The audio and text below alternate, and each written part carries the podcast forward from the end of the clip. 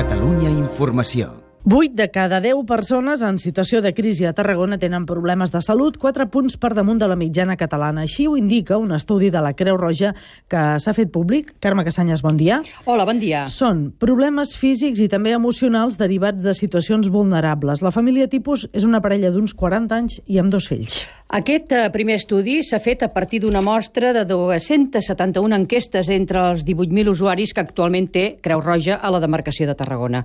Una de les dades més preocupants és que gairebé un 20% d'aquestes persones que pateixen aquesta crisi considera que no val la pena viure. Ho explica el responsable de l'Observatori de Creu Roja, Pilar Millar. Aquesta sensació ja d'angoixa, de, de, de, no, de no tenir forces gairebé per seguir afrontant el, el, el dia a dia, eh, depressions segurament ja amb un, amb un diagnòstic darrere, que si ho sumem, penseu que el 15,5 més el 4,8 de gent que ja ens diu que no val la pena viure o que ja hi ha moments que pensa que no val la pena viure.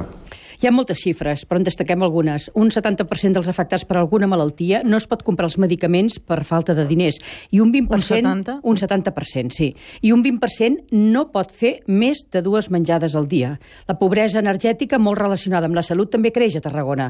De les persones encastades, un 61% no tindran prou recursos per pagar la calefacció aquest hivern, 6 punts més que l'hivern passat. Aquest que sentirem ara és el testimoni de dues persones en situació límit, dues persones persones que han participat en aquesta enquesta de la Creu Roja. Con dos críos, la mujer, la mujer solo con un contrato de dos horas, solo ingresamos 200 euros al mes y paga luz, paga agua, comida, o sea que fatal.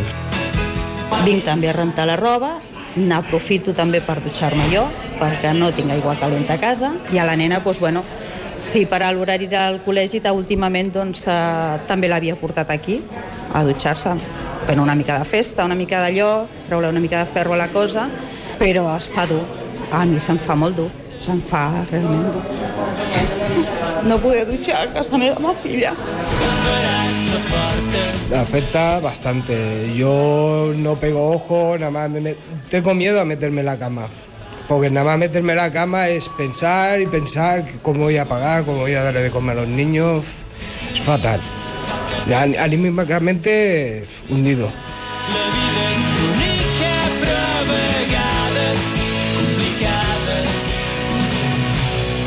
Tant se val.